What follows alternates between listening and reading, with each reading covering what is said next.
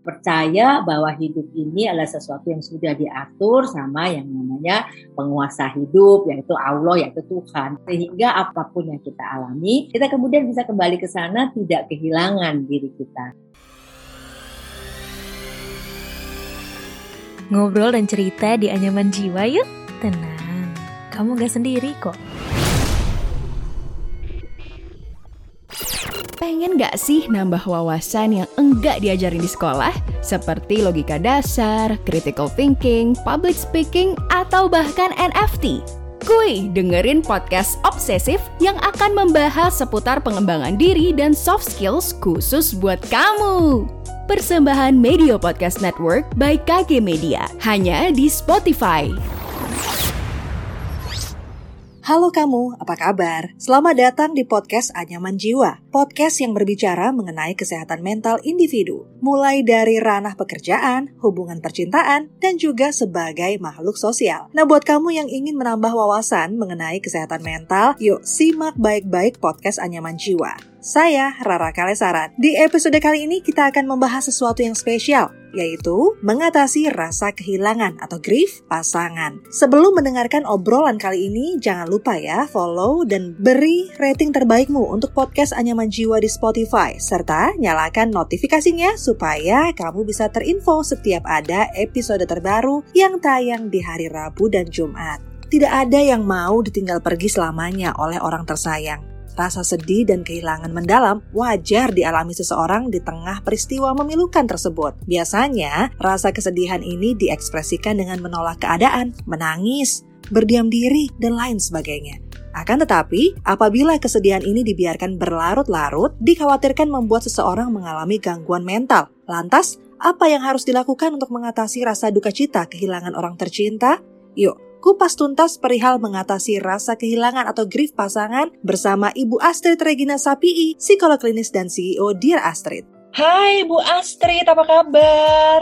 Halo Mbak Rara, baik. Mbak Rara apa kabar? Kabar baik, kabar sehat. Mudah-mudahan semuanya selalu sehat ya, stay safe. Kasusnya sudah semakin naik nih untuk COVID-19-nya ya. Tetap happy semuanya. Nah, amin. Walaupun topik kita agak kurang happy nih karena mengenai kehilangan pasangan atau grieving gitu kan. Nah, Bu Astrid ketika sedang berduka cita atas kepergian orang yang kita sayangi gitu kan, kita jadi sulit untuk mengekspresikan apa yang dirasakan lewat kata-kata. Jadi bisanya nangis, nangis dan nangis gitu kan. Itu adalah ungkapan ekspresi ekspresi yang bisa kita lakukan. Nah, apabila hal ini dirasakan oleh teman kita gitu kan, lalu apa Bu Astrid yang bisa kita lakukan untuk meringankan beban dan juga mendukung dia gitu?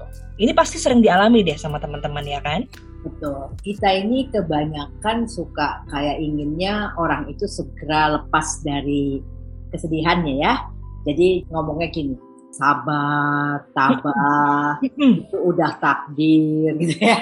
Orang yang sedihnya itu jadi sebel banget karena dia kurang sabar apa, kurang tabah apa gitu kan. Dia merasa bahwa dia lagi sedih dan dia juga nggak ngerti. Apalagi kalau itu orang deket sekali kan kayak separuh nyawanya pergi. Nah jadi sering jadi kesalahan orang itu adalah tidak berempati kepada kesedihan yang sedang dialami oleh orang-orang ya. Mbak Rara banyak sekali penelitian yang menunjukkan sebetulnya cukup dan mengakui aku ini sedih karena aku kehilangan. Nah, hmm. kebanyakan orang itu karena kebudayaan di sini, apalagi kalau dia laki-laki ya, kan nggak boleh ya nangis, nggak boleh kelihatan sedih gitu kan ya. Jadi dia menahan-nahan untuk kayaknya gue baik-baik aja kan gitu ya. Hmm. Jadi akibatnya pengalaman sedih itu kayak diabaikan, kayak dilewati. Nah, ini yang sebetulnya kalau kita mau bantu orang, biarkan dia mengalami dan kita tunjukkan empati. Artinya bukan bilang sabar aja, Tuhan itu memberikan cobaan tidak pernah lebih kuat dari kemampuan manusia menanggung. Bukan gitu. Bukan gitu ngomongnya. Ngomongnya misalnya kita bilang, aku ngerti deh, Kak, kebayang ya kalau aku juga ngalamin kayak kamu gitu. Emang sih kebayang kamu kehilangan misalnya anakmu, kehilangan mungkin pasanganmu, mungkin kehilangan ibumu, pasti sedih banget ya kan. Pasti bagi kita semua ibu itu orang penting, itu bisa rasa kamu pasti luar biasa sedihnya. Lebih baik kita ngomong yang seperti itu. Jadi menguatkan yang bersangkutan bahwa kita paham bahwa dia sedang sedih dan kita juga paham kenapa kita juga berempati pada posisinya. Nah kalau misalnya orang mendengarkan itu, dia kemudian kan bisa curhat Mbak Rara. Dia bisa mengeluarkan unek-uneknya karena dia tahu kita meresponnya dengan kita tahu deh kalau orang sedih kayak apa kan gitu kasarnya. Jadi pertanyaan Mbak Rara tadi jawabannya adalah kita respon sebagai orang yang berempati terhadap kesedihan yang bersangkutan. Oke, ini sih cerita pengalaman sedikit ya Bu Astrid. Saya ini udah kehilangan ibu dan bapak gitu kan. Hmm. Tapi ini saya punya dua cara yang uh, berbeda dalam grieving nih. Ketika ditinggal ibu saya waktu saya 19 tahun, saya tuh seneng gitu dikasih support. Berduka cita ya gitu. Uh, dikelilingin orang. Sedangkan ketika saya kehilangan bapak saya gitu ya saya umur 26 tahun itu saya nggak suka banget gitu. Ada orang saya karena masih dalam proses menerima itu ya turut berduka cita ya sabar ya itu nggak suka bacanya gitu bu. Berbeda banget gitu. Dulu tuh kayak ingin dirangkul apa mungkin karena usia gitu ya tapi ketika kehilangan bapak kok saya udah biarin saya sendiri dulu gitu. Biarin saya menerima ini kenyataan ini dulu sendiri saya cerna dulu gitu. Nggak ingin berinteraksi dulu. Ini gimana bu Astrid? Nah itu. Memang waktu ya kualitas hubungan makna relasi kita dengan seseorang ya. Kemudian juga posisi kita pada saat itu secara psikologis maupun fisik maupun sosial itu semua berinteraksi untuk menentukan Mbak Rara. Jadi menentukan pada saat itu bagaimana kita menghayatinya tapi prinsip yang paling penting adalah kita ini menunjukkan pada seorang sedang berduka, aku paham kenapa kamu berduka. Nah, jadi biasanya memang kalau apalagi kalau kita harus menyampaikannya dalam bentuk tulisan, Mbak Rara, kita sebenarnya bingung mau ngomong apa kan gitu ya. Jadi bingung. Tapi kalau orangnya kelihatan gitu kan kita bisa sekedar pegang tangannya gitu kan ya atau kalau dia deket banget sama kita kita peluk kan gitu ya. Dan Ya. jadi aku juga inget loh sama ayahmu gitu kan ya. Bisa bayang kamu yang deket sama dia kamu kehilangan kayak apa gitu kan. Kayak aku kan bisa lihat kalau misalnya ternyata Mbak Rara nggak suka ya. Oh, Oke, kamu mau sendiri. Kalau kamu butuh aku, kamu kontak aku ya kan bisa gitu. Kalau kelihatan Mbak Rara, kita mau nulis di di WA misalnya gitu kan. Iya. Cuma nulis itu kan susah Mbak Rara. Kita kan mesti mengatakan sesuatu yang sifatnya umum. Karena kita nggak ketemu langsung sama orang. Betul. Gitu. Dan Mbak Rara betul umur untuk menentukan, jadi waktu ya menentukan, kemudian posisi kita juga pada saat itu menentukan posisi psikologis, posisi sosial maupun posisi fisik itu menentukan bagaimana kita menghayati pengalaman itu. Kemudian relasi, jadi makna relasi. Jadi ayah itu bagi saya artinya apa, ibu itu artinya bagi saya apa, itu juga menentukan. Jadi itu semua menjadi sesuatu yang bercampur Mbak Rara. ya. Jadi yang sifatnya Mbak Rara pribadi individu, yang sifatnya hubungan sama yang meninggal, yang sifatnya sosial. Jadi pada saat itu kita ada di mana dalam situasi apa dan kapan waktunya itu semua menjadi sebuah kesatuan yang akan kemudian membedakan secara subjektif bagaimana satu orang dengan orang lain memaknakan sebuah kesedihan. Jadi memang kalau tertulis kita hanya bisa menulis sesuatu yang umum. Tapi kalau bisa kita bisa ketemu sama orangnya, kita kan bisa lihat kalau dia tidak suka. Cuman Mbak Rara, untuk masyarakat kita ini banyak yang nggak paham seperti itu. Karena buat masyarakat kita, kita kan kolektif.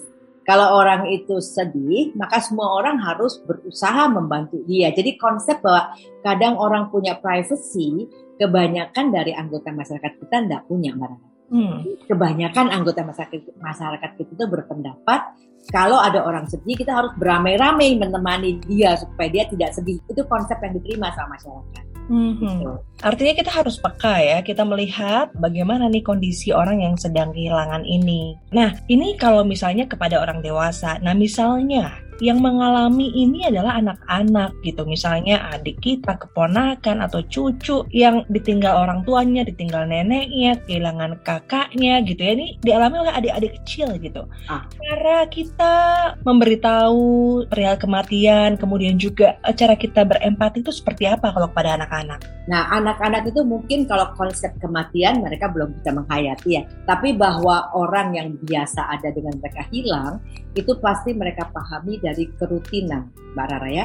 Jadi biasanya kalau mama ada, mama yang akan mandiin saya, misalnya gitu ya, mama yang akan kasih makan saya, mama yang akan kemudian ngajak saya jalan-jalan, misalnya gitu ya Mbak Rara. Jadi kalau anak kecil kan karena konsepnya belum ada tentang kehilangan, dia akan menilainya dari kerutinan itu. Nah sehingga kalau untuk anak kecil, itu dulu yang kita mesti penuhi. Jadi pastikan dia dikasih makan, pastikan dia tidurnya aman, pastikan dia secara fisik dia berada pada posisi aman. Nah nanti lama-lama dia akan tanya. Nah kemudian menjawab pertanyaan itu itu tergantung bagaimana nilai atau konsep di keluarga. Ada keluarga yang bilang gini, Mama sudah pergi ke surga sama bidadari. Karena Hmm. konsep keluarga mereka berkaitan sama keyakinan mereka kalau meninggal itu pergi ke surga bersama bidadari. Tapi ada yang konsepnya Mama itu udah dipanggil Tuhan ya mendahului kita semua gitu. Ada yang gitu. Lalu Hmm. ada yang bilang Mama pergi jauh gitu ya dan nanti suatu ketika kita juga akan bergabung sama Mama lagi. Nah, apa yang disampaikan itu harus berkaitan dengan keyakinan yang ada di keluarga itu.